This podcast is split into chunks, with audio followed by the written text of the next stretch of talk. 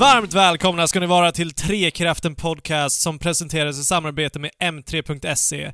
Vi är en podcast som pratar spel och allt vad det berör. Mitt namn är Fabian och med mig har jag Andrew. Hej allihopa! Hej, jag heter Andrew. Och sen har vi ingen mindre än Alexander. Hejsan hejsan på er alla där ute som lyssnar på oss här idag. Vi tre utgör ju denna podcast vanligtvis. Jajamän, avsnitt 127. Det är ju så jäkla, jäkla viktigt det där med att berätta nuffran på avsnittet. också. Ja, precis. För att folk ser ju inte det när de slår igång poddavsnittet. Men eh, vi har ju faktiskt sagt det i vart enda jäkla avsnitt, så att det vore ju konstigt att sluta med det nu. Hur är läget med er? Eh, jo tack, det är bra. Eh, jag har haft en ganska lång dag. Så att Mm. hjärnan är lite mossig, men eh, humöret börjar sakta men säkert stiga upp igen. Ah, I feel you, I feel you. Den här återkommande mossan i våran podcast. Mm. Ja, men livet är turbulent ibland. Ja, så är det ju. det, är- det är ju så det är. Ja, Alltså, det, och det gör ju huvudet mossigt. Så jag menar, vad, ska, vad finns det att göra? inte mycket. Men jag glädjer mig ändå. Vi har ju faktiskt haft eh, lite av... Vi har fått en liten försmak. Inget väder nu. Ja, men jag, jag, här nere har vi faktiskt fått försmak på sommaren. Vilket känns helt underbart. Mm. Här uppe i Stockholmsregionen så har det varit... Den kommer krypandes, vi ser skuggan av den kanske, men det är väldigt mycket grått och väldigt mycket ambivalent väder. Förra veckans avsnitt pratade vi om hur vi botar en spelångest som kan uppstå. Mm. Och jag pratade om att jag tycker om att eh, ge mig ut på eh, löppass Mm. för att bota det en aning. Och eh, i och med att vädret är så, så som du berättar Fabian, det börjar ändå krypa fram våren och sommaren. Mm. Så har jag faktiskt äntligen börjat springa igen. Bra jobbat. Alltså det, nu är det ju så mycket enklare att bara dra tummen ur och dra, dra ut och Ja. löpa. Sen så tänker jag på mitt God of War där när jag är ute på mitt löppass och då blir jag lite Är det därför du extra, springer? lite extra taggad blir jag ju då förstås. Nej, det är inte därför jag springer men... Okej. Eh, jag, jag har en tendens att behöva gå ut och springa när jag, när jag känner mycket känslor. Ja. Och senast var det när Super Mario Odyssey kom och jag inte fick det, så var jag tvungen Just att bara det. dra ut och löpa i regnet. Och när du visste att jag satt hemma och spelade när du var ute på löppasset också Det, dessutom. det var hemskt. hemskt. Ja. Men löp, löpturen gjorde det naturligtvis bättre. Jag har faktiskt gjort någonting eh, roligt med löpningen den här senaste veckan.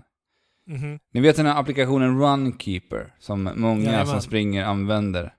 Jag har faktiskt gått och eh, startat en sån prenumeration på deras premiumtjänst. Jaha, ja, jaha. som gör att du kan alltså lägga upp som en plan för dig själv. Mm. Så lite så här delmål för hur du ska kunna prestera på en viss nivå till ett satt specifikt datum då. Så att jag har satt ett datum Ah, okej. inför ett lopp som är i, i juni då. Som, Ja. som ni båda, jag hoppas att ni båda kommer springa i år också. ja, men det tror jag. Då har jag satt en, en tid som jag ungefär vill hamna på. Då lägger den här upp ett schema för mig som jag liksom kan som jag kan anpassa mig efter och då ska jag kunna leverera och klara av det här loppet, vilket är jättebra. Så det är lite av ett Jäklar. spel här också, så jag har ju hela tiden mina Ja. mål i min runkeeper som jag ska hålla koll på. Och jag är helt nöjd med den här premiumtjänsten hittills. Den, den är riktigt, Ja, okej. riktigt trevlig. Involveras även intervallpass och sånt också? I Ja, alltså du har lite, Ja. för, du har lite eh, förinställda olika träningspass du kan välja mellan. det? Ja. Men just när du lägger upp träningsplanen så handlar det så här att vissa dagar kör du lite lugnare, andra dagar kör du lite snabbare. Ja, förstås. Så att liksom träna upp din, eh, din... Du kan välja hur du vill träna också. Om du vill träna lugnt, medel eller om du vill liksom bli ännu snabbare så kommer de lägga upp ett mycket mer krävande träningsschema för dig. Mm. Fantastiskt. Alltså det är, generellt i vardagen så är det ju nice om man kan hitta sätt att spelifiera den på. Mm. Ja, Det så blir bara verkligen. lite mycket, lite roligare. Ja, det blir Ja. det. Det blir det. Vad får du betala för detta då? Eh, 419 kronor om du betalar hel klumpsumma för ett år. Så att, eh, ah, okej. det tycker jag ändå är rimligt. All right. Mm. Om du har månads, månadsavdrag. Ja, då, ko- om du betalar månad så tror jag det var 109 kronor i månaden. Så att Ja, det blir rätt mycket saftigare. är ju rätt dyrt då. Ja. Ja. Runkeeper-appen för övrigt, som nu har uppdaterats med en svensk röst, Mm. blev, blev jag väldigt chockad av här i, när jag började löpa nu. För Det märkte år. jag också här om, Ja. för, förra ve- veckan när jag sprang. Då var jag väldigt förvånad att hon Ja. pratade svenska. Trycker på start. Aktivitet startad. Mm. Nej, jag är van att höra den engelska versionen. Mm. Men en bra app för alla som vill springa där ute. Den är, kan man ju verkligen rekommendera. Mm, Oh ja. verkligen.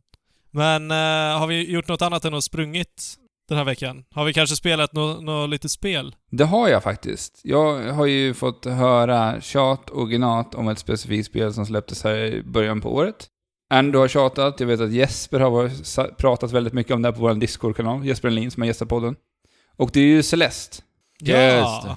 Är det sant? så jag har ju skaffat det. Och tagit mig igenom eh, kanske fyra, fem kapitel och någon av de här eh, typ 8-bits-banorna som man kan låsa upp. Mm. Ja, eller spelet som du Ja. låser upp. Precis. Och jag, eh, jag kan bara hålla med. Egentligen typ allt det som Andrew säger om det spelet. Jag tycker att det är helt fantastiskt på alla sätt. Ja. Ah, Det, det roliga, jag tycker, när jag först spelade, jag spelade Towerfall Ascension en del, som eh, den här eh, utvecklaren gjorde innan det här. Mm. Och jag tycker att det känns så tydligt i kontrollen på hur, man, hur Celeste kontrolleras, att det är samma utvecklare. Okej. mm. Det är väldigt lik kontrollmässigt hur eh, Towerfall Ascension styrs. Och Tower Fall Ascension var bra gissar jag. Ja, det är jättebra. Mm. Om du inte har spelat Towerfall Ascension så måste vi faktiskt ta och göra det i grupp för att det är skitroligt. Ja, jag, jag är på. Jag har inte vi spelat det? Jag tror du och jag har spelat det ännu. Inte det Fabian tror jag. var du. Ja. Nej, jag har, inte, jag har aldrig spelat det. För jag vet att du och jag tror jag har spelat lite kampanjläget där man kunde spela multiplayer-kampanjen på den här. Ja, Har jag okej. ett svagt minne ifrån. För jag vet att jag har spelat det med dig i alla fall. Det är ett skitroligt spel. Ja men vad kul Alex, jag blev faktiskt väldigt, väldigt glad när jag såg att du var online på switchen och spelade Celeste. Mm. Blev du lite stolt också? Ja men det här är ju för... Alltså... Gillar du plattformsspel och inte spelar Celeste, då, det är dumheter. Ja, okej.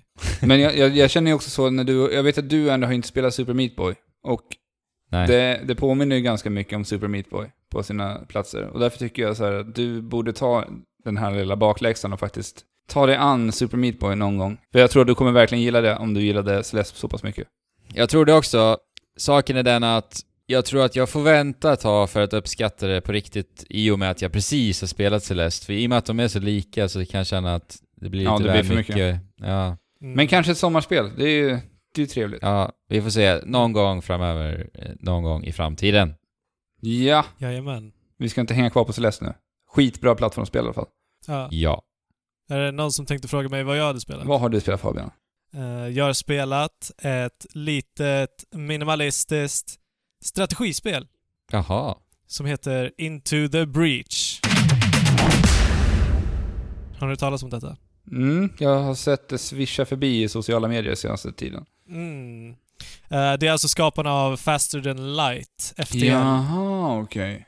Det är säkert därför det har blivit sånt himla surr, för Faster than Life hade ju en sån jädrans hype när det släpptes. Ja, det hade det. Och jag har inte spelat det, så jag vet inte... Jag, jag kan inte jämföra med det överhuvudtaget. Subset Games heter de som har utvecklat det. Och Fast and Light utvecklas bara av två personer. Eh, jag tror att de har expanderat lite med det här till fyra personer, om jag inte är helt ute och cyklar. Men Mm, eh, det, det här är ett strategispel. Eh, väldigt, väldigt simpelt ser det ut att vara vid första anblick. Mm. Det, alla, alla strider utförs bara på en 8x8 grid. Och alltså vi, vi har ju en story. story storyn är att eh, jorden, eller jag vet inte om ens det är jorden, det är nå- någon planet där människor bor har invaderats av, typ, typ lite som i Gears of War, utomjordingar fast de kommer från marken. Mm. Ja, ja, ja. Och de, de som vi spelar som är någon typ av så här squad som kan resa i tiden. Mhm. Och ja, jag vet inte, jag vet inte riktigt hur, hur det går ihop att de liksom reser i tiden eh, nu när vi börjar spelet och kommer tillbaka. Men det, det, det är strunt samma, för att det är en mekanik i spelet bara. Och det bara är... eh, Då måste de ha en förklaring till det i storyn. Ja, precis. För att Mm. det är alltså roguelike element i det här spelet också. Ja, ja. Så att det är meningen att du ska dö, och när du dör så, eh, så skickas du tillbaka i, i tiden helt enkelt. Ja, ja, ja. Eh, och vi spelar alltid som stora mex, eller man, man har piloter som sitter i stora mex. Mm. Eh, och man har alltid bara tre stycken. Och de här tre, tre olika mexen har typ som olika klasser, kan man, kan man säga. Eh, en, en är lite mer så aggressiv på i närstrid, en är lite mer aggressiv på distans och en är lite mer support, brukar det vara. Men det finns många olika uppsättningar av, av uh, mex som man kan ha. grejen är, det här är inte bara liksom ett eh, strategispel som du kan tänka dig i Fire Emblem, utan det har en liten twist. Jaha. Och twisten är att när, när det är ditt drag så kan du se vad fienderna kommer göra nästa drag.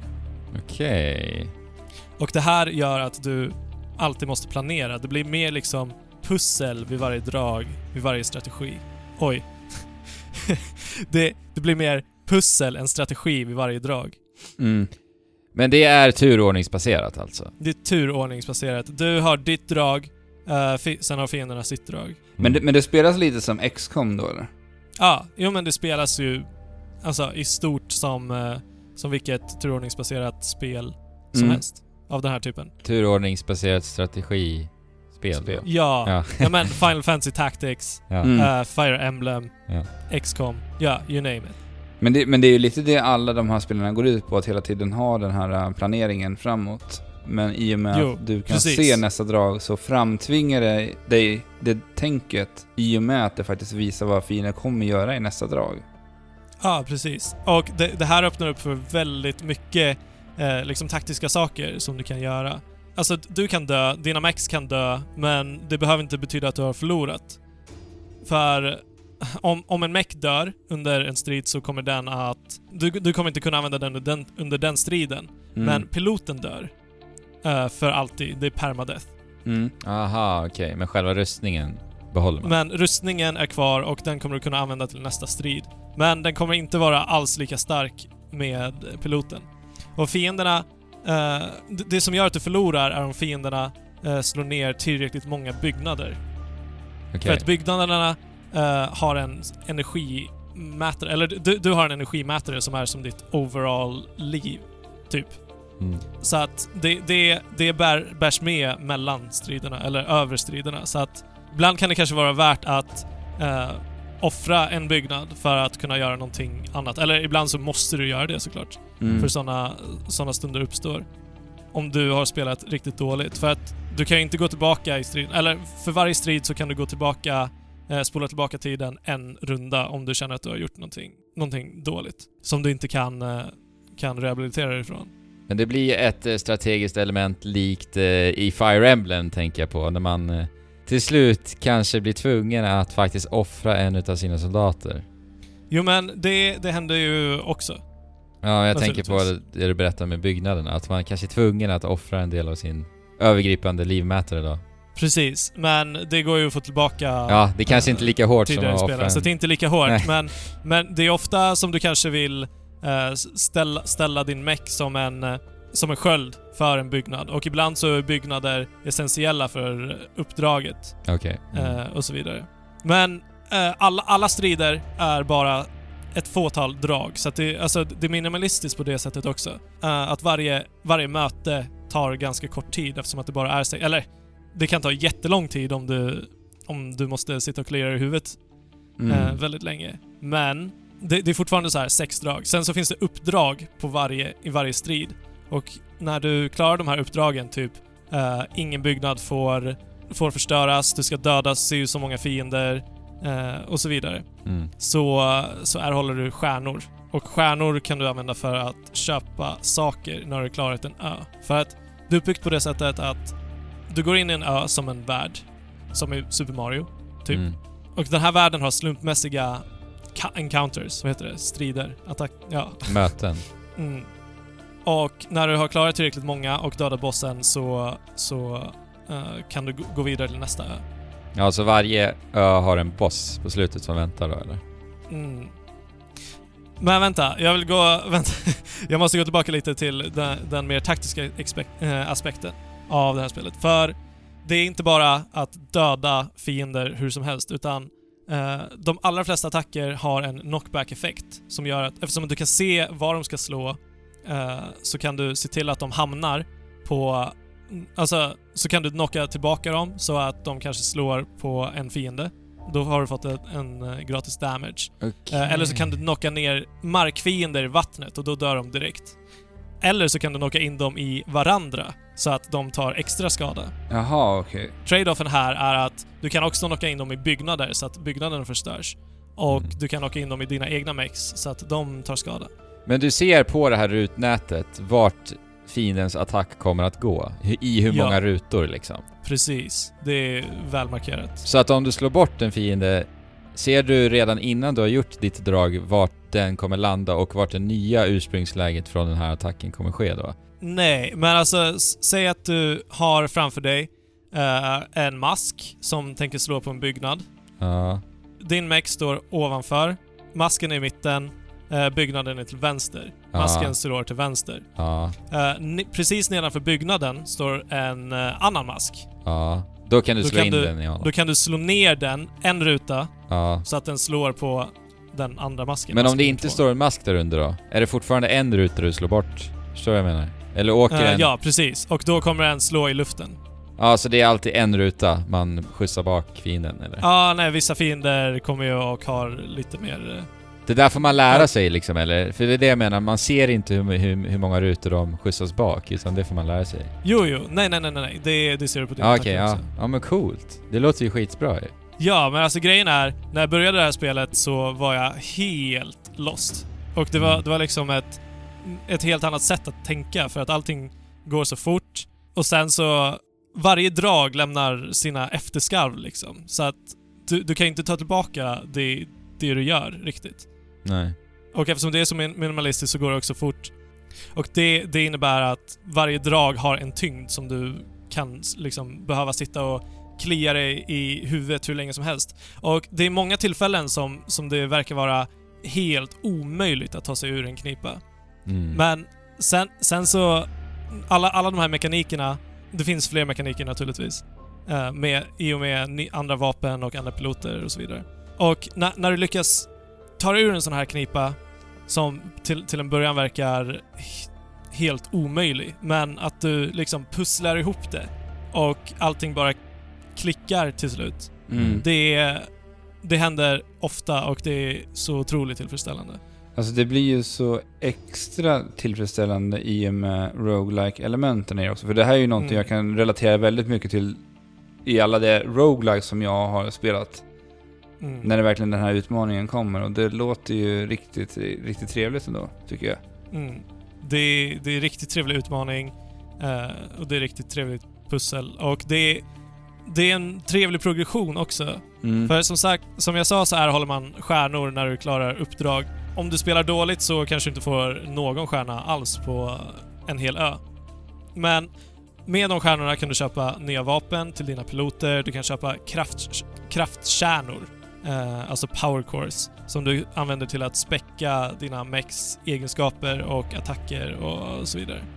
Hur blir det med, jag tänker när piloterna dör och du säger att du har köpt vapen till den här piloten. Kommer du kunna liksom eh, plocka bort vapnen från den här och, och lämna över vapnen till en annan soldat då? Ja. Och hur går rekryteringsprocessen till när du får, när du rekryterar nya soldater? Ibland när du progresserar så, så rekryterar du nya piloter. Okej. Och ibland så på vissa banor så kommer en droppod. Det verkar vara ganska random. Eh, och om du plockar upp den droppodden så kan det finnas en pilot där i. Grejen är, när du förlorar så får du bara välja att ta med dig en pilot. Okej. Och hur många har man med sig då ungefär? Tre. Okej. Det är alltid tre piloter. Eller, du, du kan ha med dig tre piloter. Eller, du kan strida med tre piloter, men sen kan du ha flera liksom som står på standby. Mm. Ja, om en pilot skulle dö så kan du bara byta ut dem. De väntar på att hoppa in i roboten bara. Ja, och det är de här piloterna som levelas upp när du dödar fiender med dina mex. De som sitter i. Aha. Och alla piloter har sina unika egenskaper som eh, kan göra dem ännu dödligare. Och här, här är det också ett pussel att så här försöka kombinera eh, rätt meck med rätt pilot med eh, rätt vapen och sen hur du bygger alla dessa egenskaper med eh, dina power cores. För du, du kan ju späcka en, en meck till att vara mer av en tank, en kan vara mer rörlig så att det kan röra sig mycket längre och så vidare. Så det, det här blir ju liksom det spelläget man spelar mellan striderna. Man sitter och pillar med staplar hit och dit. Det är inte så liksom pilligt. Nej. Det är liksom inte någonstans nära Monster Hunter överhuvudtaget, utan det, det, är, det är väldigt komprimerat, det är väldigt lätt. För jag tänker, det, det brukar ju ändå vara en sån här essentiell del i den här typen av spel. Alltså vi har ju Fire Emblem där du ska prata, när du ska styra relationerna emellan, placera ut vapen till olika karaktärer. XCOM har ju likadant med den här rymdbasen. För att det, det känns ju också som en väldigt viktig del att ha det här mellanstilen, att det inte bara är eh, de här eh, action-fighterna hela tiden. Mm. I det här spelet så är det inte så omfattande, utan det är mer bara pilla med dina mex. Sen, sen så låser du upp flera mex allt eftersom att du spelar mer. Mm. Och det, det vänder allting upp och ner helt och hållet. För att de mexen har helt andra förutsättningar. Men så, att, så att allt det här du nämner nu, hela den här strategiska biten, gör det att du hittar inte din storfavorit som du alltid kör på så att säga?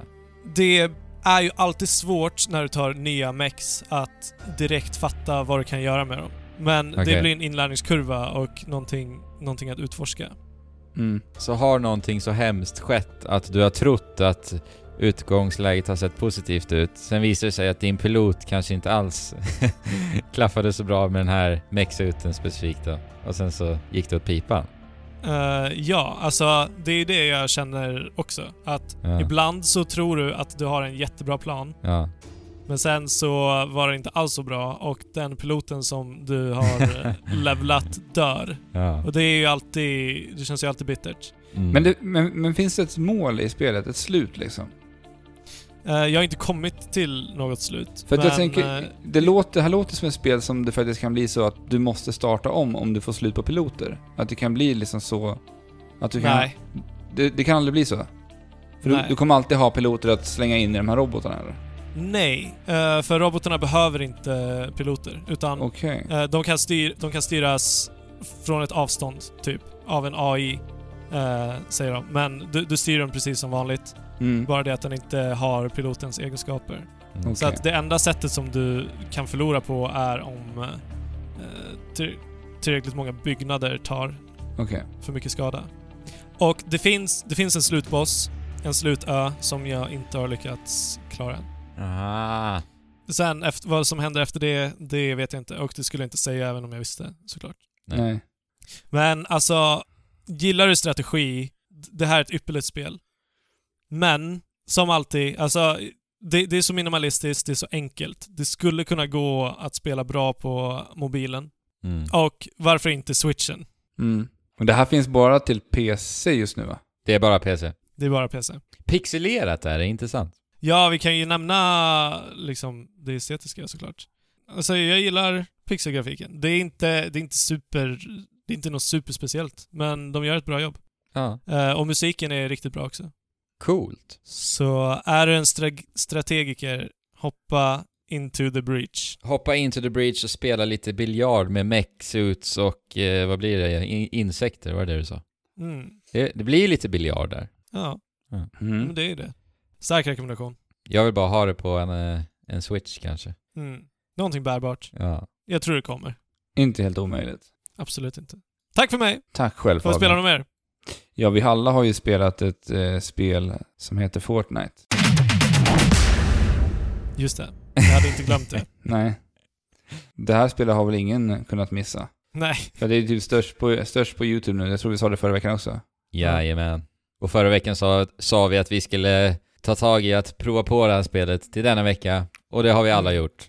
Jag gick ju in stenhårt för att jag, det finns ju till, eh, det släpptes ju till mobil, eh, jag tror det var någon dag efter att vi hade spelat in också. För de har ju haft det i beta. Men då släppte de det Mm. officiellt nu till mobil. Så jag har testat det på mobil, på Xbox, på PS4 och på PC. Och när du Mm. säger mobil, då är det bara iOS än så länge. Okej. Yes. Får se när det kommer till Android. Ingen aning faktiskt. Mm. Kan vi inte börja där Alex, initialt, snabbt? Hur känns det på mobil? Eh, alltså det är jättesvårt fortfarande. Precis som när jag pratade om pub förra veckan på mobil. Kör, kör en liknande recension då. Ja, eh, nej men det är, alltså så kontrollera en, ett tredjepersons shooter, shooterspel på en eh, touchscreen. Ja. Det är svårt. Eh, Ja. Jag som har tjocka tummar täcker ju skärmen. Ja. Så att säga det försvinner ju typ en eh, femtedel typ från skärmen när jag täcker min tumme över skärmen för att försöka sikta. Det är ju inte så jättebra. För då Nej, kan det ju gömma sig någon fiende bakom tummen som liksom hinner plocka mig. Mm. Ja. Det är inte jättekul. Men hur ser det ut då? Hur rullar det? Jag tycker att det känns ändå som att de har fått till en, en riktigt trevlig port ändå. Som faktiskt rullar, rullar fint för att vara mobiltelefon. Jag tycker det är imponerande. Både med Ja. det här och hur de har fått PUBG att rulla på en liten mobiltelefon. Alltså jag, det är väldigt, väldigt fascinerande hur man kan få så här tre, det här typen av spel på mobiltelefoner idag. Alltså man tittar tillbaka bara för några år sedan, man satt och spelade de här vanliga 2D-spel på mobiltelefoner och tyckte det var skithäftigt. Mm. Mm. Så man Ja, kommit men till det det här går stadiet. ju snabbt. Ja, det går ju fruktansvärt fort. Det lär ju äta batteriet rätt rejält. Ja, jag har ju sånt himla dåligt batteri också, det börjar bli riktigt, riktigt trött. Mm. Så att Ja. den eh, dräneras riktigt snabbt nu. Mm. Vilket tycker du ser bäst ut? PubG eller Fortnite mobil? Alltså Fortnite ser ju bättre ut rent estetiskt. Hela, alltså den stilen tilltalar mig mycket mera. Mm. Och eh, därför så säger jag Fortnite. Ja men gött. PubG är ju inte ett snyggt spel på något sätt. Nej. Sen tycker jag såklart att det finns saker som de gör bättre än Fortnite. Och vice versa. Mm. Ja, eh, att förklara vad Fortnite är, det känns ju som slöseri med tid lite, skulle jag väl säga. Ja, lite. Men alltså det är ett Battle Royale-spel likt PubG som alla borde ha hört om, så att... Alltså Ja. det är ju, egentligen så är det ju inte ett Battle Royale-spel från början, för det släpptes ju faktiskt som en, eh, vad heter det?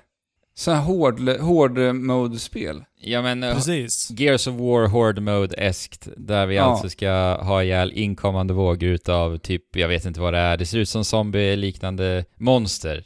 Typ. Ja. Jag vet Ja. inte. Men istället så har de döpt det läget till Save the World nu. Och det Ja, är just det. då betalversionen av Fortnite. Ja. Och det här Battle Royale-läget är det som, vi, som är då tillgängligt gratis för alla där ute. Ja, just det. Jajamän. Det kan vara värt att nämna. Mm. Det är riktigt smart drag Ja. att göra, göra det läget gratis. Och att det Mm. finns på alla möjliga plattformar förutom Switch Mm. nu då. Eh, till Mm. skillnad från PubG som bara finns till PC och Xbox idag, nu. Alltså jag måste Ja. säga att det här är sjukt imponerande att de har lyckats få det här till så många plattformar på så kort tid. Men det här släpptes i slutet på förra året, Battle Royale-läget då. Jag läste att de var 25-30 personer som gjorde det här läget på två, tre månader någonting. Oj. Okej. Och idag, Jo, det läste jag också. Ja. idag jobbar de 350 personer på Fortnite Battle Royale. Och de är 700 anställda Impressive. på Epic. Oj. Jäklar. Mycket av deras Alltså den, den utvecklingen på in, inom loppet av min, alltså min, typ mindre än ett halvår så har det skett liksom. Den Mm. ökningen. Det, det är imponerande. Mm. Ja men de har varit riktigt smarta att verkligen eh, sätta in alla resurser de kan och smida medan järnet är varmt Mm. Ja. här. Alltså jag, jag, vill, ju- jag blir nyfiken på att höra från Andrew, för Andrew är den som har spelat minst eh, Battle Royale-spel utav oss. Ja. Så hur har din, din upplevelse varit i eh, den här uh, Fortnites galna spelvärld?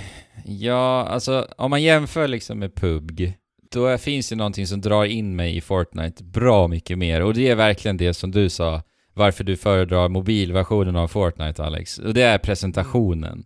Mm. För där skiljer ju de, de här två spelen sig väldigt, väldigt drastiskt. Ja.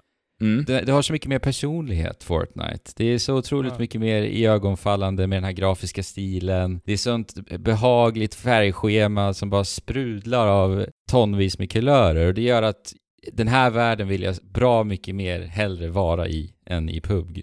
ja, definitivt. Alltså, eller de, de, är lite, de är lite antipoder till varandra.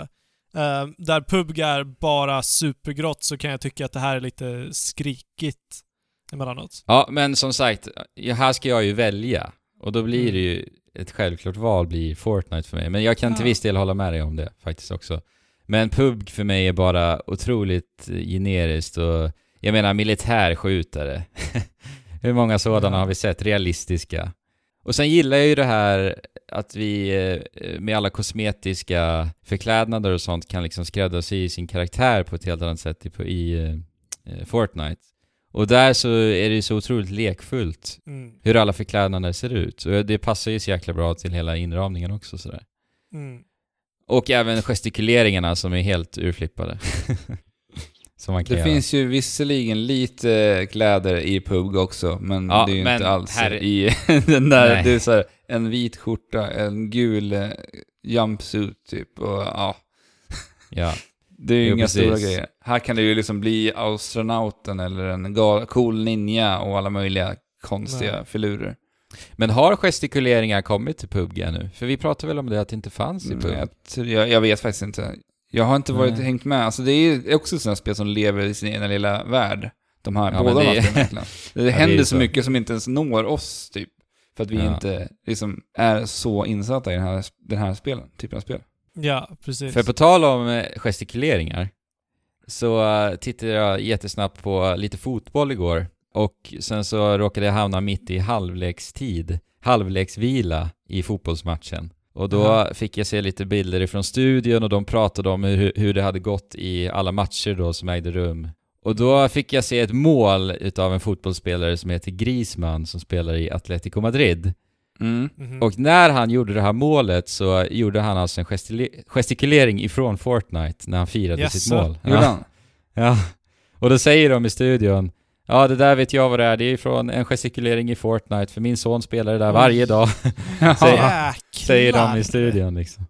Så att, Jäklar! så att Att Fortnite blivit så stort. är stort. Ja, ja, lite kul. uppenbarligen. Lite lustigt Ja. att det händer också just när jag sätter på fotbollsmatchen och att det är halvlek och att det är precis det- den sekvensen i studion när de faktiskt tar upp det.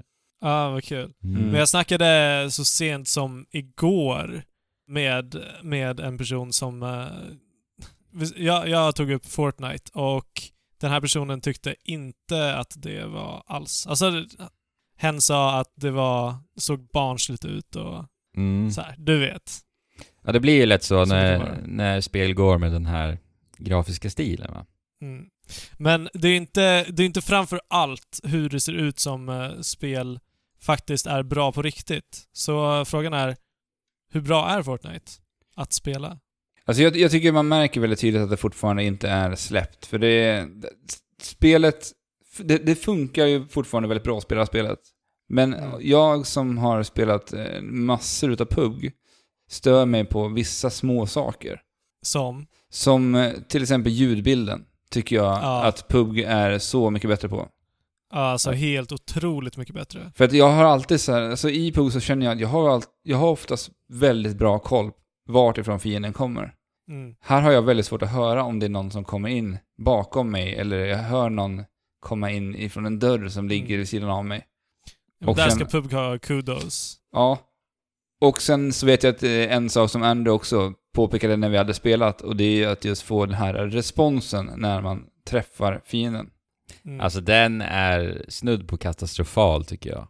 Alltså jag, jag tycker att varje strid i Fortnite, och förstås i PUBG, blir ju liksom snudd på panikartad för att det, alltså det är så ödesdigert när du väl träffar en motståndare. Mm, ja. Så mycket står på spel. Och då blir det ju liksom gånger tio mer viktigt att spelet tydligt kommunicerar för mig om jag gör rätt i det här hektiska hettan liksom. Och jag tycker Mm. inte att Fortnite gör det alls. Som sagt, jag är ju panik, jag är ju i ett panikstadie. Och då vill jag ju Mm. att spelet ska ge mig en respons att jag faktiskt gör någonting rätt. Och när jag då skjuter i panik och jag känner inte att jag träffar min motståndare, då fortsätter ju min panik liksom. Mm. Och då blir det bara pannkaka av allting. Ja. Och, och, och när jag lyckas träffa ett mål, då känner jag inte heller att wow, vilken triumf. Jag gjorde ju faktiskt det där för att jag är skicklig på det här spelet nu. Jag känner liksom inte att jag utvecklas i, i rätt riktning för att spelet inte pratar med mig tydligt. Så jag tycker det är ett jättestort problem alltså. Och jag tänker ju på mitt Splatoon som ger mig en helt fantastisk respons och tillfredsställelse av att enbart träffa mitt mål med ljud och visuella effekter.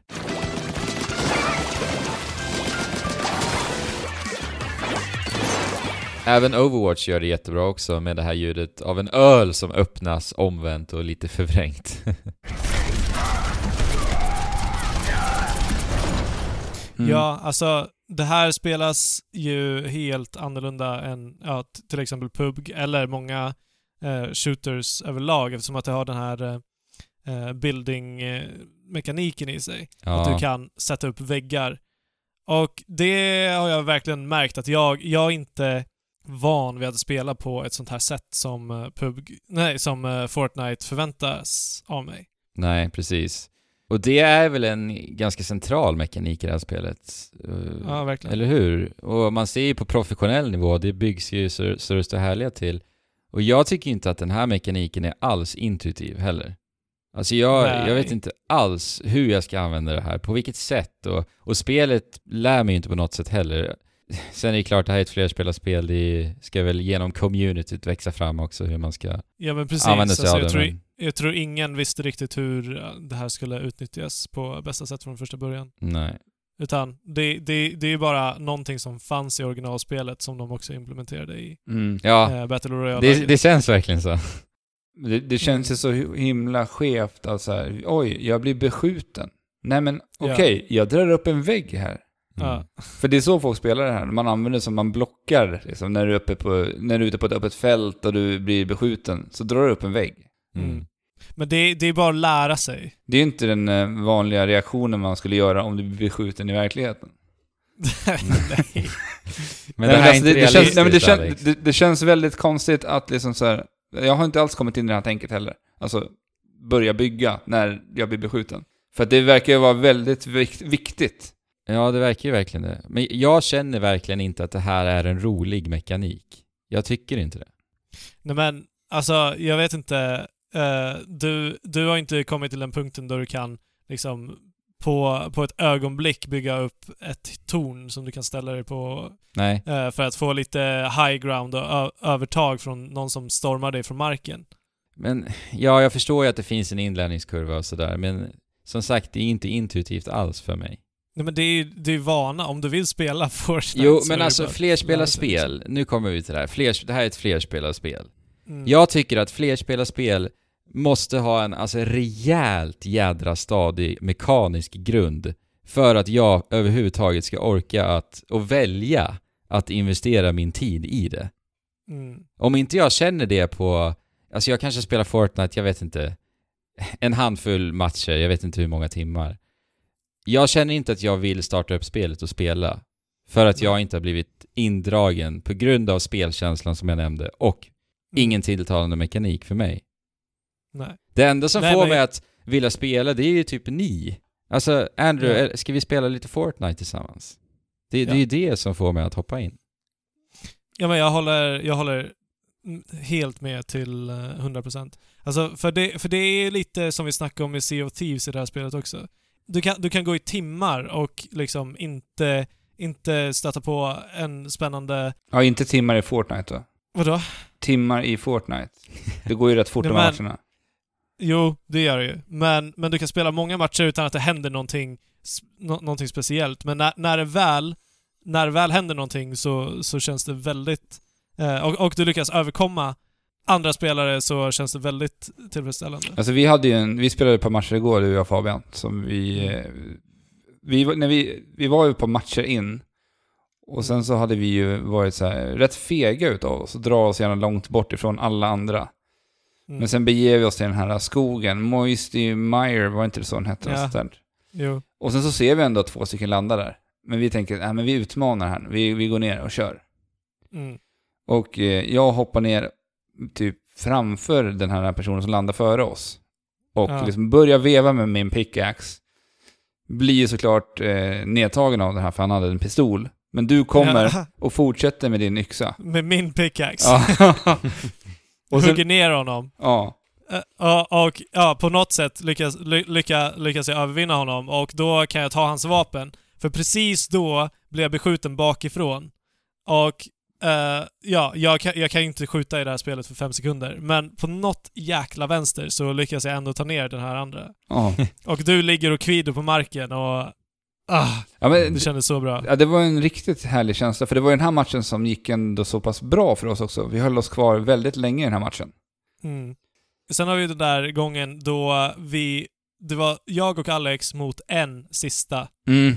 Och vi, vi står utanför eh, en barack av något slag. Vi ser att den här eh, sista spelaren springer in i baracken, så att alltså, vi, vi har överläge, han har inte sett oss. Vi, vi, vi har high ground, vi har allt, jag har sniper. Ja, alltså vi hade allt. Jag hade ju typ, Allt. Jag hade typ 100% health och 100% armor. Ja. Och sen så skulle Alex flanka. ja, Mm. Precis. Alex skulle flanka. Jag såg det, jag- jag såg det här live nämligen, så fortsätt. Jag, jag, jag besköt honom. Planen var att jag skulle hålla aggro och skjuta på honom så att Alex kunde flanka och komma i närstrid och meja ner honom med en shotgun eller någonting. Ja. Eh, men, det första som händer så fort han får syn på Alex, Alex dör på något jävla vänster. Ja. Ja. ja. Det gick så sjukt fort det här också. Ah, För han bygger sig över den här väggen och det, det är också en sån här sak, jag har inte vant mig vid det här byggandet i Fortnite. Nej, Jag tänker inte att de ska bygga sig över en vägg och sen hoppa och skjuta mig. nej precis. Och eh, det, det är det de gör. Och sen så, eh, ja. Sen, sen blir det paniken där. Bytte vi lite, ja sen fick jag panik. eh, skakade som eh, någonting som skakar väldigt mycket. Och så förlorade jag striden till Ja. slut. Ni kom tvåa då alltså? Ja, Mm. Eh, förra veckan så pratade vi om eh, vad, vad är Fortnites ekvivalent till chicken dinner? Winner winner chicken dinner. och det var Och bara... Det är bara victory. Ja, fast det är ju alltså Victory Royale. Okej. Victory Royale. Okej. Ganska Jättetråkigt underväl- ja, väldigt underväldigande eh, slutskärm faktiskt. Men, men det är ju just den där... Det där som jag älskar med den här typen av spel. Alltså den där matchen när vi kom tvåa, trots att vi förlorade så var det så himla... Alltså det blir sån... Den där intensiva känslan i den här striden. Alltså Mm. att få, få känna de här nerverna. Att spelet lyckas Mm. göra det. Det är inte så många spel som får mig att bli sådär... Sådär oerhört spänd i de här striderna. Nej, det, det är ju sällan, det är sällan man får en adrenalinkick av spel. Ja, och det gör ju det här spelet med en. Men det är ju konceptet, kort och Mm. gott, som gör det. Att eh, det är det som framkallar de här nerverna och den här spänningen Ja, liksom. Mm. Men för, för grejen är att alltså, jag har ju tänkt mycket på det här konceptet också. Och att det kan vara en bidragande faktor till att jag inte sätter mig ner och drar igång spelet. Mm. Och jag tror det har att göra med alltså hela förloppet som jag finner ganska tradigt om jag ska vara helt ärlig. För att jag förstår ju att, jag förstår ju att det kan vara väldigt spännande att komma till de här punkterna som ni pratar om och det skulle säkert jag tycka också, självklart. Men grejen är ju att det handlar ju också om att, att ha lite tur. Ja, jo, men det är absolut, absolut. Så att hittar du bra loot liksom i början av matchen, då kommer du för, med stor, eller med en större sannolikhet i alla fall, att eh, få en trevligare match framför dig. För, för jag känner annars när jag inte gör det, när jag liksom hittar ett sånt här grått vapen och en pistol i, i någon, något skjul där, då springer man ju bara omkring och letar och det kan ta liksom ganska lång tid och det finns inga fiender, det blir ingenting spännande, du ska bara leta efter Mm. vapen.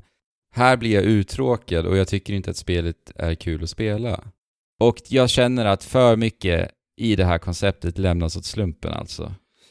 Dock tycker jag att Fortnite är bra mycket bättre när det kommer till utplacering av vapen. Om vi tittar på, jämför det här med PUBG. Mm. Jag tycker ändå att de flesta gångerna vi har spelat så har vi i alla fall alla fått en varsin rifle. Vilket typ, det händer inte alltid när man spelar PUBG. Utan då kan det vara så här, ja men alla springer med pistoler och en shotgun. Jo men så, det, Så att, eh, det håller jag nog med om. Men skillnaden är också att i Fortnite så har du ju sådana här så kallade epic-vapen, legendary vapen. Ja, som- olika levels på det. Ja, som, eh, som du får belyst genom att det är olika färger då. Det, ni vet, så Mm. här klass, klassiskt eh, rollspelseskt. Eh, Ja. Jag vet inte, jag, i och med den här, att det är så mycket som lämnas eh, till slumpen, så tycker jag också att en tydlig utveckling hos mig som spelare och min skicklighet suddas ju ut då också. I och med det. För att jag menar, om jag har en närstrid med någon som har ett, ett epic-vapen, då är det så här, ja, han hade en större chans att vinna mot mig där. Alltså jag, jag tycker att det har att göra mycket med din planering också. Så här, har du ingen vapen, då måste du ta ett beslut. Vad ska du göra nu? Alltså, Mm. det, jag tycker det blir väldigt bidragande till hela spelupplevelsen också. Alltså att det är upp till dig att hitta Precis. det vapnet också. Och hur ska du göra det på bästa sätt utan att bli upptäckt till exempel? Ja. För Det, det, kan, det, jag, jag kan förstå det. Och det, jag säger inte här att Fortnite är ett dåligt spel. Det jag säger är att det här är inte för mig. Mm. Mm. Jag förstår absolut varför folk spelar det här spelet om och om igen. Och jag förstår varför folk finner det spännande och kul. Men för mig är inte det det jag vill ha utav en multiplayer-upplevelse. Nej, smaken är ju som baken. Mm. Som, som vi vet. Om vi ska också dra en till parallell med till uh, PUBG så tycker jag också... Jag, jag tycker det här känns mycket mer strömlinjeformat. eh, generellt. Det, det är lättare, går snabbare att ta sig från, från ställe till ställe. Det är lite mer lootfest. Ja, det är det verkligen. Och det är lite simplare väl? Känns, upplever jag. Ja. Alltså Ja. bara det här, bara det här loot-systemet. Att du har fem föremål på dig, punkt slut. Och sen om du vill ha någonting annat som ligger på marken, ja då måste du ta bort ett som du redan håller i. Mm. För så är det väl inte i Pugga, eller hur? Utan då måste man gå Nej. in och... Nej, där samlar vi på sig eh, ryggsäckar Ja. olika storlek och grejer. Precis. Ja, jag, tycker, jag tror nog att det, det spelar till det här spelets fördel. Ja, oh ja. Mm, och lättillgängligheten att hoppa in. För PubG är ju... Inlärningskurvan blir ju bra mycket längre där än vad det blir i Fortnite. Ja, och det är en trade-off antar jag. För Ja. att med lite mer komplicerade system så, så banar det ofta väg för mer intressanta mekaniker. Sen blir det ju också, det blir bra mycket mindre matcher i Fortnite. För kartan är ju bra mycket mindre än eh, den, eh, ja nu vet inte jag vad de här heter i PUG. Men den första kartan i PUG. De har ju Mm. två kartor och en som är på test. Nu tror jag. Den har varit i alla fall. ja. det kommer ju en tredje vet jag. De som har- visades- jag, vet, jag vet att den har ju varit i test nu eh, förra veckan. Ja, Mm. Den här tredje kartan. Men, men på tal om kartan så tycker jag ju faktiskt om den i Fortnite också. Eh, Den, den känns ju väldigt så här varierad. Det är minnesvärda platser. Och namnen på kartan gillar jag ju väldigt mycket. Ja, Mm. Som Loot Lake och Snobby Hills eller vad den hette. Ja. Och Salt, det- salty någonting minns jag, och sen någonting Tomato var det någonting som hette också. Ja, Ja. Det Tomato. Farm typ. Och, Ja, Mm. Fortnite alltså, Battle Royale.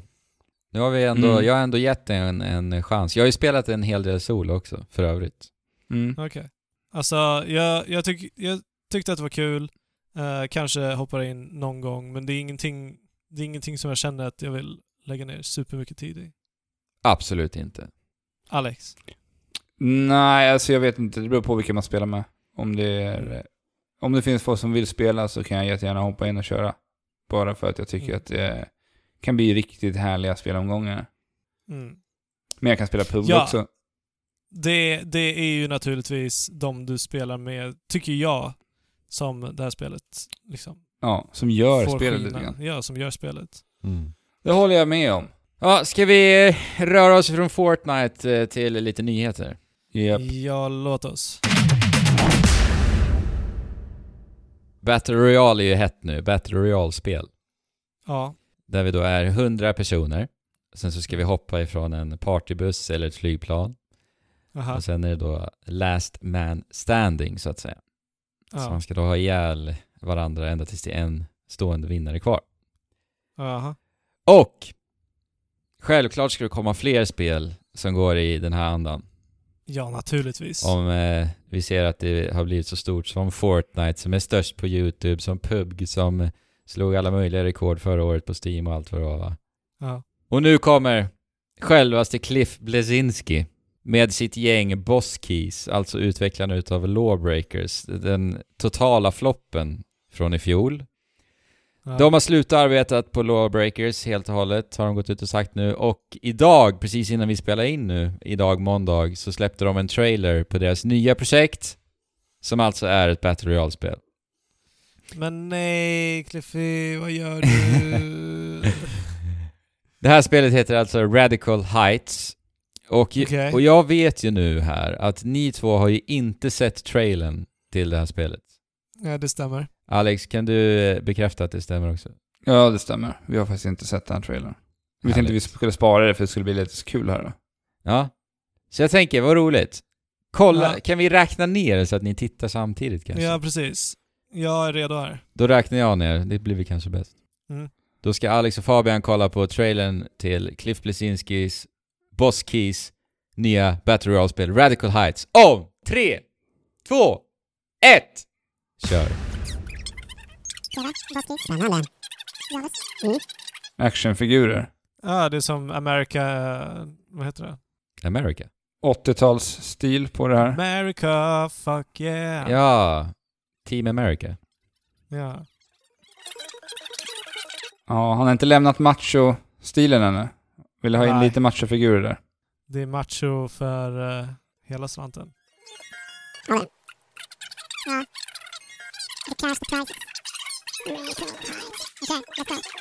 Golfbana. Det var det vi trodde vi skulle hitta i Snobby Hills i, när vi spelade Fortnite igår. Ja, fanns ingen där. Nej. Lite poprock. Har ni fått se spelsekvenserna nu? Ja, en Ja, ja, Sverigecykel. cyklar de. Ser det mer ut som Fortnite eller PUBG? Fortnite. Ja. Man samlar pengar. Nej, shit vad det här ser lökigt ut. Varför tar de ut pengar? Vad är grejen med att du ska hoppa och trixa BMX i en Battle Royale? Men det är klart man ska ha en BMX i en Battle Royale. En gul och blå BMX och hoppa och trixa med. Alltså karaktärsmodellerna är ju fruktansvärda. Ja, de... eh, k- kolla på uttrycken. Det är så här själlöst. Som en Ken-docka. Långhåriga rockers som skjuter på varandra. Okej, jag sammanfattar det då. Eh, ja. Vad tyckte ni om Radical Height? Jag tycker det var fruktansvärt. ja, det var min initiala tanke också faktiskt. Det ser Ja. ut som en sämre version av, eller om vi, en sämre version av både PUBG och Fortnite. Ja, kanske det. Men det ser ju verkligen så här direkt kopia utav Fortnite ut.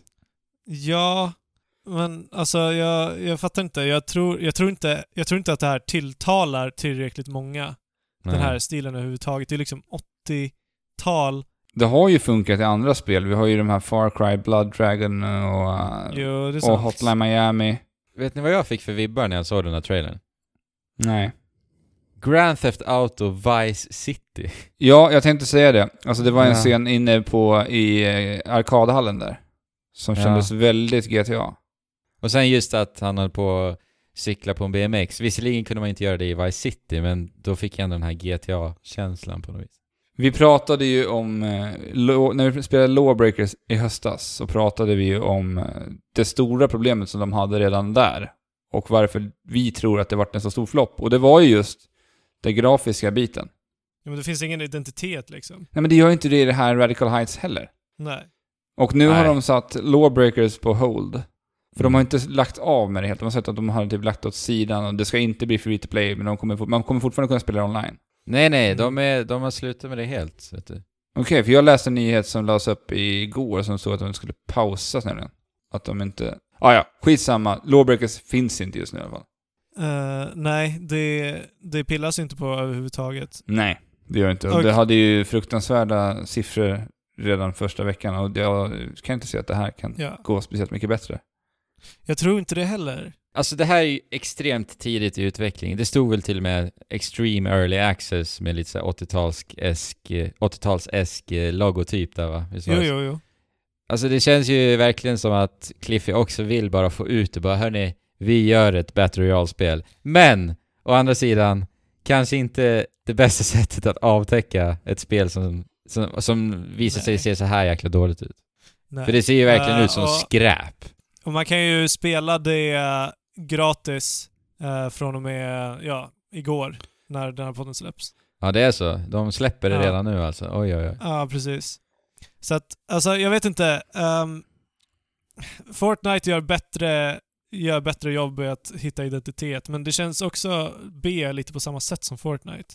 Mm. Och det, alltså, hade jag spelat PUBG, hade jag sett PUBG innan det blev en succé så hade jag aldrig kunnat säga det här är nästa grej. Nej. Nej, aldrig någonsin. Det är ju helt omöjligt för oss att säga om, om det här kommer bli succé eller inte. Men jag tror inte på det på förhand. Det, det är lite roligt, jag, lys- jag läste en, eh, ett uttalande från eh, deras publisher de hade under Lawbreakers på bolaget Nexon som stod som publisher för det spelet då. Mm. Och Okej. han, han beskyllde ju då just eh, Battle, eller Pub, PUBG för att ha roffat åt sig för många spelare för att han hade inte räknat med att det spelet skulle slå så mycket. Och då menar han på Nej. att de tog många utav alla Lawbreakers, alla potentiella Lawbreakers-spelare. Mm. Okej. Och då är det så kul att Det- se att de faktiskt kommer med en Battle Royale nu. Visserligen har de inte samma publisher till det här spelet som jag förstått det. Men ändå. Men alltså det jag ser här, det här är ändå Cliff Blesinski. Det är alltså huvudet bakom Gears of War. Gears of War var ju, var ju ett väldigt innovativt spel som förändrade hela förra generationen i stort sett. Med, Ja. med den här cover, Mekaniken. cover-mekaniken såklart va. Och alltså Cliffy B, det är ändå en man som sitter på en hel del kreativitet, vad jag, alltså så som jag har sett honom. Eller? Ja men precis, Eller? men det är det, Eller? ja, men det är det jag menar nu Fabian. Ja. Alltså det jag ser här nu, om vi går från Lawbreakers, som i mångas ögon var en rent av Overwatch-kopia. Sen var inte det det, tycker jag riktigt, men jag förstår ju ändå att det fanns ju otrolig Ja, mängd nej. inspiration där. Det fanns det ju. Ja, eller jag vet inte. De startade väl ungefär samtidigt och ingen visste någonting om varandra. Nej. Eh, så var det ju. Men självklart Men- har han blivit inspirerad under utvecklingen, det, det tvivlar jag inte på. Ja. Och sen eh, går vi från det till det här som bara är rent av en Battle Royale-kopia. Sen så kan vi nu hoppa på studsmattor och, och cykla på en BMX och trixa lite. Jag vet inte, jag ser inte... Nej, det, det är inte så kreativt. Nej. Men vem vet, det kanske har att göra med att när han väl gjorde Gears of War så hade han ändå Epic bakom sig. Nu så kör han med sin lilla indie-studio på Boss Key. ja. Mm. Och han hade kanske så pass bra människor som var där och liksom backade honom och sa nej men Cliffy, nu får du ta det lite lugnt där. Backa lite här. Jo, men Backa precis. lite på den här idén. Så att det, det ligger nog så många andra bakom eh, framgångarna i Gears of War och Cliff. Ja, Cliffy jo. Absolut, så är det ju såklart. Man kan, För inte det- säga att, man kan inte säga att Cliffy B skapade covermekaniken i Gears liksom. Nej, Nej. nej. Även fast han blir... Han har ju blivit som posterboy för det. Ja. Mm. Men, han, men jag menar ju ändå att eh, han är, har ju ändå varit eh, game director. Visst är det det han är? Eller är han producent? Jag minns inte riktigt. Men jag menar, han är ju, sitter ju i den positionen där han ska se över spel. Mm. Och då har man ju väldigt mycket att säga till om. Så förstås har ju han varit med och liksom utformat covermekaniken i Gears. Eh, och han är ju en väldigt stor del i hur Lawbreakers slu slutprodukt blev. Vi kanske får helt enkelt acceptera att Cliffy B var eh, en one-hit wonder. Det Kanske. kan vara så. Kan vara så. Och sen när man tänker tillbaka på när han stod där på scen på eh, PC-presskonferensen på E3 här förra året. När han berättar att “This ain't no 60 dollar bullcrap” Mm. när han berättar om att Lawbreakers då kostar 30 dollar. Det blir nästan lite pinsamt nu i retrospekt. Jo. Ja. Ja. Cliffy B. Ja. Vi får se vad det blir om det. Av det. Mm. Shadow War har ju haft mikrotransaktioner. Mm. Nu eh, när ingen spelar spelet och därmed inte köper mikrotransaktioner så ska de ta bort mikrotransaktionerna och uppdatera spelet. Ja, just det. Konstigt. Ja, eller alltså det, det, det är en ganska naturlig väg att gå, antar jag. För att ingen, ingen vill spendera mikrotransaktionspengar på ett spel som är utdaterat och som ingen spelar längre. Och som dessutom är ett single player-spel. Som ett single player-spel. Ja, men precis. just i och med att det är enspelarspel så kan, man, så kan du ju faktiskt använda dig utav mikrotransaktionerna när som helst. Mm. Eh, Alex, du var ju den av oss som spelade det här spelet i fjol. Mm. Hur stor plats tog mikrotransaktionerna egentligen? För jag för mig att du sa att de var väldigt frånvarande, eller minns Alltså jag det, det? det beror ju på lite hur man väljer att spela det, men så som jag spelar så tog de inte någon större plats. Men om du Nej. ville vara den som skulle börja ta över alla dessa olika riken och rekrytera olika monster hit och dit, vad är det, Orcher eller Urux. Ja. Mm. Det är de man låser upp i de här boxarna som man kan då köpa för riktiga pengar. Ja. Så, du, Mm. så du såg ändå att det fanns en komponent där det faktiskt hade Ja, gett det hade dig ju en fördel? hjälpt dig. Ja. Men om det hade... Sen hade det ju säkert kunnat gå att lösa genom att spela spelet också, för du kunde låsa upp de här på andra sätt också genom att bara spela. Ja. Så... Det här var ju ett av många spel ändå i fjol som eh, hade just mikrotransaktioner.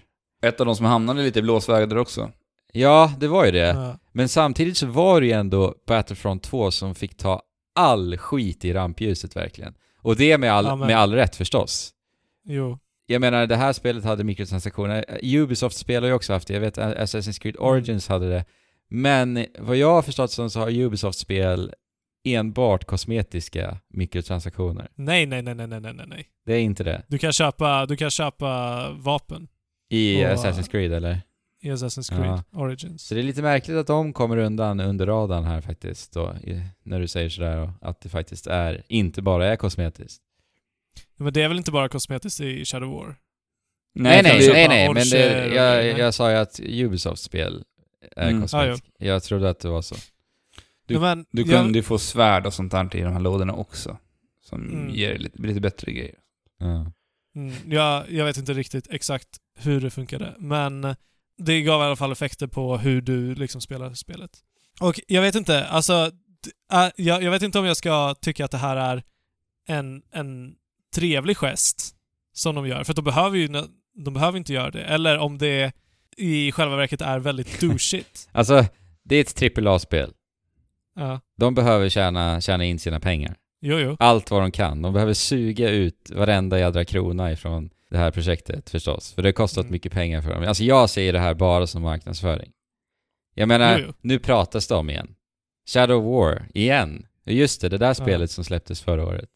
Så att jag ser ju det här verkligen så att de eh, tjänar lite goodwill-poäng samtidigt som att spelet pratas, pratas om igen och folk kanske tänker, ja ah, men kanske ger en chans nu dessutom när mikrotransaktionerna är borta. Ja, men precis. Och spelet uppdateras. För, ja. För de, de, de gör inte fult, bara att de så slänger det eh, som en trasa, verkar det som. Nej. Men jag vet inte, alltså det, det får ju definitivt mig att vara mer intresserad av Shadow of War. Oh ja. Och frågan är, är, är, det den här, är det här en trend som vi kommer fortsätta att se? Att single player-spel med mikrotransaktioner kommer till slut inte ha mikrotransaktioner? Och bli uppbyggda kring... Alltså jag, jag, tror att det Eh. kommer, jag tror att det kommer vara lite som det har varit. Det här har varit perioder där vi inte har fått se några större single player-spel ha några mikrotransaktioner överhuvudtaget. Jag vet att Dead Space Ja. 2 var ett av de första som gjorde det här. Ja, Och eh, sen såg man inte det på ett tag efter Dead Space 2. Sen kommer Mm. det lite småspel här och där. nu verkar det som att mycket från Ubisoft, mycket från eh, Warner Bros och EA har mikrotransaktioner. Mm. De stora AAA... Ja men EA har, väl, har de haft det på senare tid i något single player-spel? Mm, Need for inte. Speed hade säkert det, jag vet inte riktigt. Eh, Ja, payback eller vad det. Men ja, jag vet inte alltså, med tanke på vad som hände förra året alltså, så kanske att vi får se en framtid utan mycket av det här, faktiskt. Alltså överlag, att du menar att AAA-spelen kommer inte ha mikrotransaktioner Ja. överhuvudtaget? Jag tycker, jag tycker inte det känns omöjligt faktiskt. I så fall bara kosmetiskt då i så fall. Men vad bra. Ja, Lite hopp för framtiden. ja. Sen att det kanske kommer smyga in på något vänster eh, efter en tid, det återstår ju att se va, men... Jo, Ja. jo. Men alltså, Ja. Alex, ansåg du att mikrotransaktionerna i Shadow War just var någonting som gjorde spelet sämre eller mindre bra? Alltså in, inte så som jag spelade det. Nej. För jag brydde mig inte så mycket om det, utan jag gjorde liksom, jag var ute på mitt lilla äventyr och brydde mig inte så mycket om de här lådorna. Jag såg det mer som en bonus. För Mm. att liksom så här, titta bort de här mikrotransaktionerna. För jag upplevde inte det heller, så generella eh, åsikten om spelet. Utan det var ju mer att spelet faktiskt var inte kanske helt fantastiskt. Redan från start. Nej. Det kryddar ju ännu mer till det på just att det faktiskt är ett marknadsföringsdrag. För att jag läste ju eh, pressutskicket eh, från eh, Warner Bros själva. Och då pratar Mm. de ju om att de tar ju bort mikrotransaktionerna och dess existens liksom för att känslan av att vara insupen i en spelvärld försvinner i och med att i och med vetskapen att faktiskt mikrotransaktionerna existerar. Ja, men det är exakt så jag känner Mm. När det handlar om sådana här spel. Och även utmaningen då att själv bygga ihop den här armén som Mm. du pratar om Alex. Mm. Då trodde de själva inte på systemet från början eller? Nej. Eller så har de kanske inte sålt ett enda så jäkla jota, inte alls så som de har räknat på. Ja. Sen bara, det är ju ingen idé längre. Nej. Nej. Sen kommer vi få en definitive edition senare i år med allt nedladdningsbart material. Och sen utan alla mikrotransaktioner så får de ut ännu lite extra pengar därifrån också. Ja, men alltså det, det är ju ändå... Alltså, Eller med hundra lådor bra. att öppna. Med hundra lådor. ja. Jo, jo, absolut. Hade ju förmodligen inte hänt om inte Battlefront 2-röran S- hade hänt. Svårt att säga. Ja, det är svårt att säga, Men det, det märks ju verkligen att eh, utvecklarna ändå ser och lyssnar och hör. Så är det. Så det är positivt. Så är Det dök upp en liten trailer här förra veckan som jag har varit väldigt, väldigt glad över. Ja. Och det är en remastered på ett gammalt Playstation-spel. En liten, lila, liten gullig drake. Ja. Spyro. Reignited Trilogy. Jajamän! går i samma fotspår som Crash Bandicoot. Mm.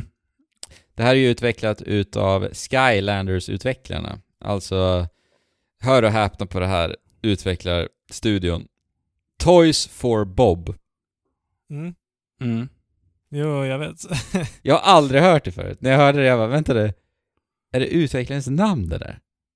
Så var ja. jag tv- tvungen att lyssna ett par extra gånger och ja. ja, men de var ju lite mer, de var ju lite mer leksaks, leksaksinriktade än spelinriktade helt och hållet. Känns ju ganska rimligt att det är de som tar över Spyro för att Skylanders börjar ju som Spyro-spel. Jo, precis. Mm. Det första. De har gjort en del licensspel vet jag också. Madagaskar-filmer har de gjort spel på och liknande. Mm, okej. Mm. Okej. Ja men precis. Skylanders. Nej vad säger jag? Spyro är tillbaka. Mm. Ja, Det är härligt. Jag vet inte jag vet inte om jag är jättesugen på att spela det, men det är härligt att många får...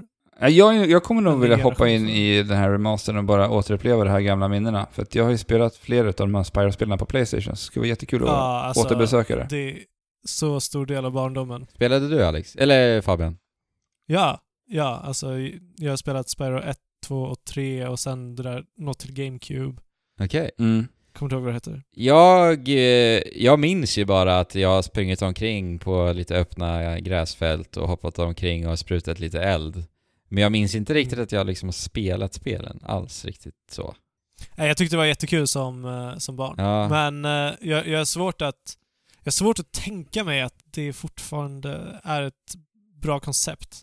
Problemet kan ju bli om det blir som med Crash Bandicoot Insane Trilogy.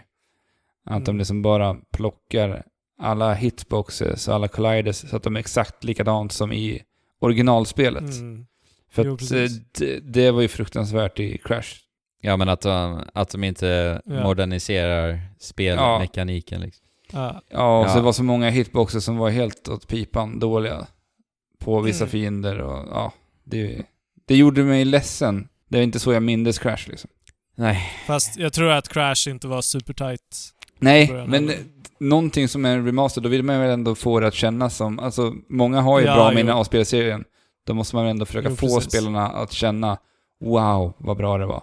Mm. Ja, precis. Lite som med Shadow of the Colossus. Ja, att få den där upplevelsen igen. Att liksom få det bekräftat att det fortfarande var sådär magiskt som du ändå minns det. Mm. Mm. Men det är jättekul att se att det kommer igen. Men det är otroligt jädra inbjudande. Alltså jag gillar ju verkligen, verkligen, verkligen designen. Mm. Och Spyro, han är så, han är söt och typ cool på samma gång.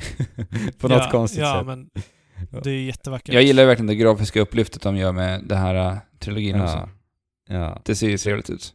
Ja, oh ja, det är det, det är det jag pratar om alltså. Det, Mm. han, Spyro är så jäkla uttrycksfull, såklart då med den här moderna teknologin nu vi har va. Miljöerna ser så jäkla mysiga ut. Det, det är det som Ja. gör att jag skulle vilja spela spelet. Hur det ser ut enbart. Men Mm. sen får man ju se hur Mm. plattformen håller som sagt. Och det är ju, visste ni att det är ju SpongeBob SquarePants som har rösten till Spyro? Ja, nej, jag visste inte det. Var det det förr också på Playstation-tiden? Ja, ettan och tvåan. Jaha. Ja, Okej. Så att nu kommer han eh, återigen göra allt röstskådespeleri, även för ettan då nu, och tvåan och Ja. trean då såklart. Kul, kul, kul. Spännande. Men eh, Kul, det var ju, kul. det är till Xbox One och Playstation 4 det här släpps. Så Ja. inte till Nintendo Switch, vilket har gjort eh, fans och lite så här mm, frågandes varför det inte kommer till Switch. Det kanske kommer ett år efter. Ja, ett år efter till bara som det Switch. gör med Crash. Ja, Mm. men då kom det ju till Xbox One ett år efter också. Ja, just det, det gjorde jag. Ja. Crash Insane Trilogy till Nintendo Switch görs ju utav Toys for Bob. Mm. Och Nintendos eh, brittiska hemsida, alltså Nintendo United Kingdom, de hade lagt upp att man kunde förboka Spyro Remastered Trilogy. Jaså? Ja, direkt efter den här utannonseringen. Och eh, folk hann till och med göra det och de hade till och med pratat med kundtjänst och de hade sagt liksom att ja, det, det finns inte just nu men det kommer att komma, typ. Jaha. Så att det är typ bekräftat liksom att det kommer till Switch. Ja. Från Nintendo. Alltså, kom, alltså Nintendos hemsida, de kan ju inte lägga upp Mm. det nej, liksom. men det, det kan ju inte vara ett så stort missförstånd. Liksom. Nej. Och, och, och till och med all information om spelet är exakt den texten som är på eh, de andra plattformarna då, när du Ja, ja. bokar spelen på.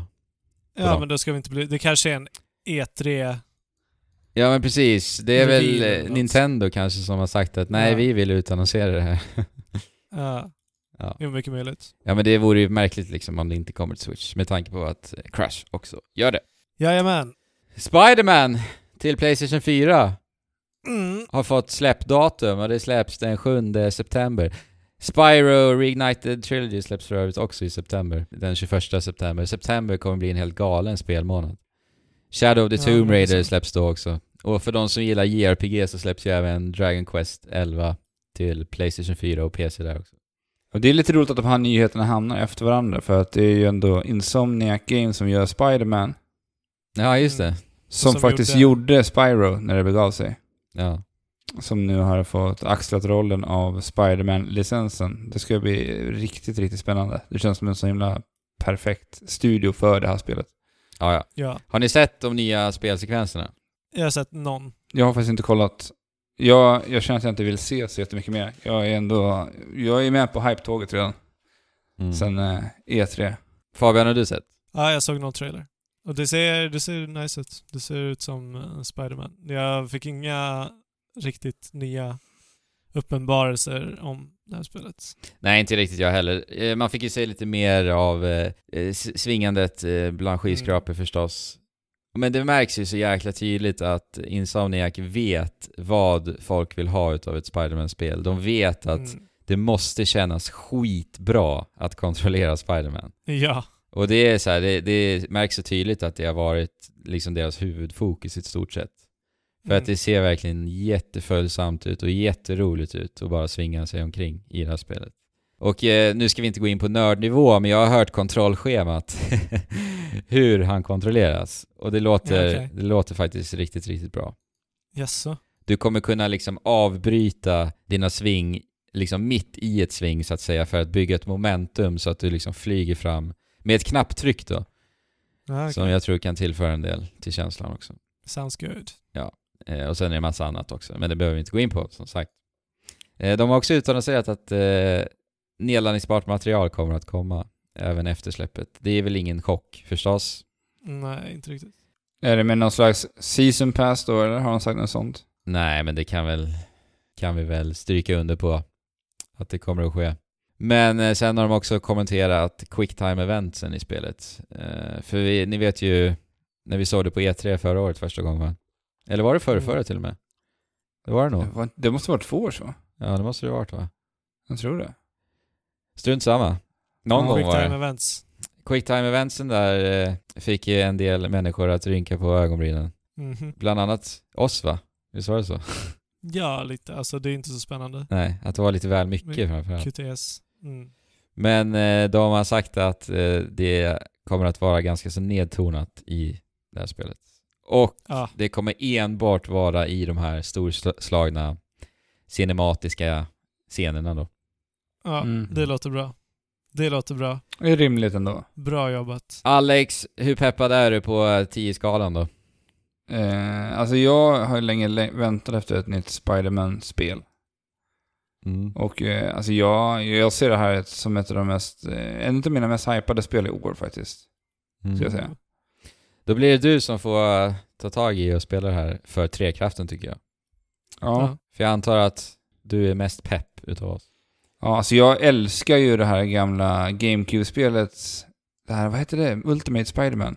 Det cell Ja. Spider-Man-spelet. Precis, Ultimate Spiderman. Det tyckte jag var riktigt, riktigt roligt. Mm. Jag vet att många brukar prata om Spider-Man 2 som av de bästa Spider-Man-spelen, men jag tycker nog Ultimate Spider-Man var lite coolare. Jag gillar det grafiska utförandet också. Mm. Mm. Ja men kul. I september alltså, det är inte så långt kvar. Ändå. Nej, det är sjukt att säga det. Fan, april Yes. redan liksom. Ja. Det kommer flyga förbi. Men Andrew, har du några E3-nyheter till oss idag? Ja, det kan vi sparka igång. Andrews extraordinära E3-pepp. Det ryktas att Microsoft får marknadsföringsrättigheterna till Cyberpunk 2077, Borderlands 3 och nya Battlefield. Och då är frågan, är detta storbomberna som vi kommer att få se under Microsofts presskonferens på E E3 2018? Har ni några kommentarer? Ja, det känns ju inte som att det blir en stor bomb då. Alltså de är ju alltid duktiga på att ha, ha tredjepartstitlar med på sina konferenser. Ja, ja. Det har ju Microsoft alltid varit bra på. Ja, ja. Oh, ja. Men de kommer ju marknadsföra skiten ur de här i alla fall. Det Ja, kan vi vara mm. säkra på. Alltså grejen är att det här, det, det här är ju egentligen inte någon E3-nyhet så. Utan att Nej, nej. Eh, det ekade väldigt, väldigt tom, tomt på det den här veckan, så jag tänkte jag bakar in det lite här va. För att jag gjorde detta till en E3-nyhet i och med att jag då frågar er, är det här det vi kommer få se som bomberna på, på Microsofts E3? Va? Alltså... ehm, Men det här är ju har- bara rykten att det kommer att... Jo men precis, Ja. det är rykten. Och de har väl till och med sagt att de ska fokusera mer på första part nu. Så att jag hoppas att det inte är bomberna. Nej, precis. Något annat eh, måste ju smälla hos Microsoft. Mm. Mm. Vad tyckte du om veckans E3-nyhet då? Förra veckan Ja. fick jag applåder för.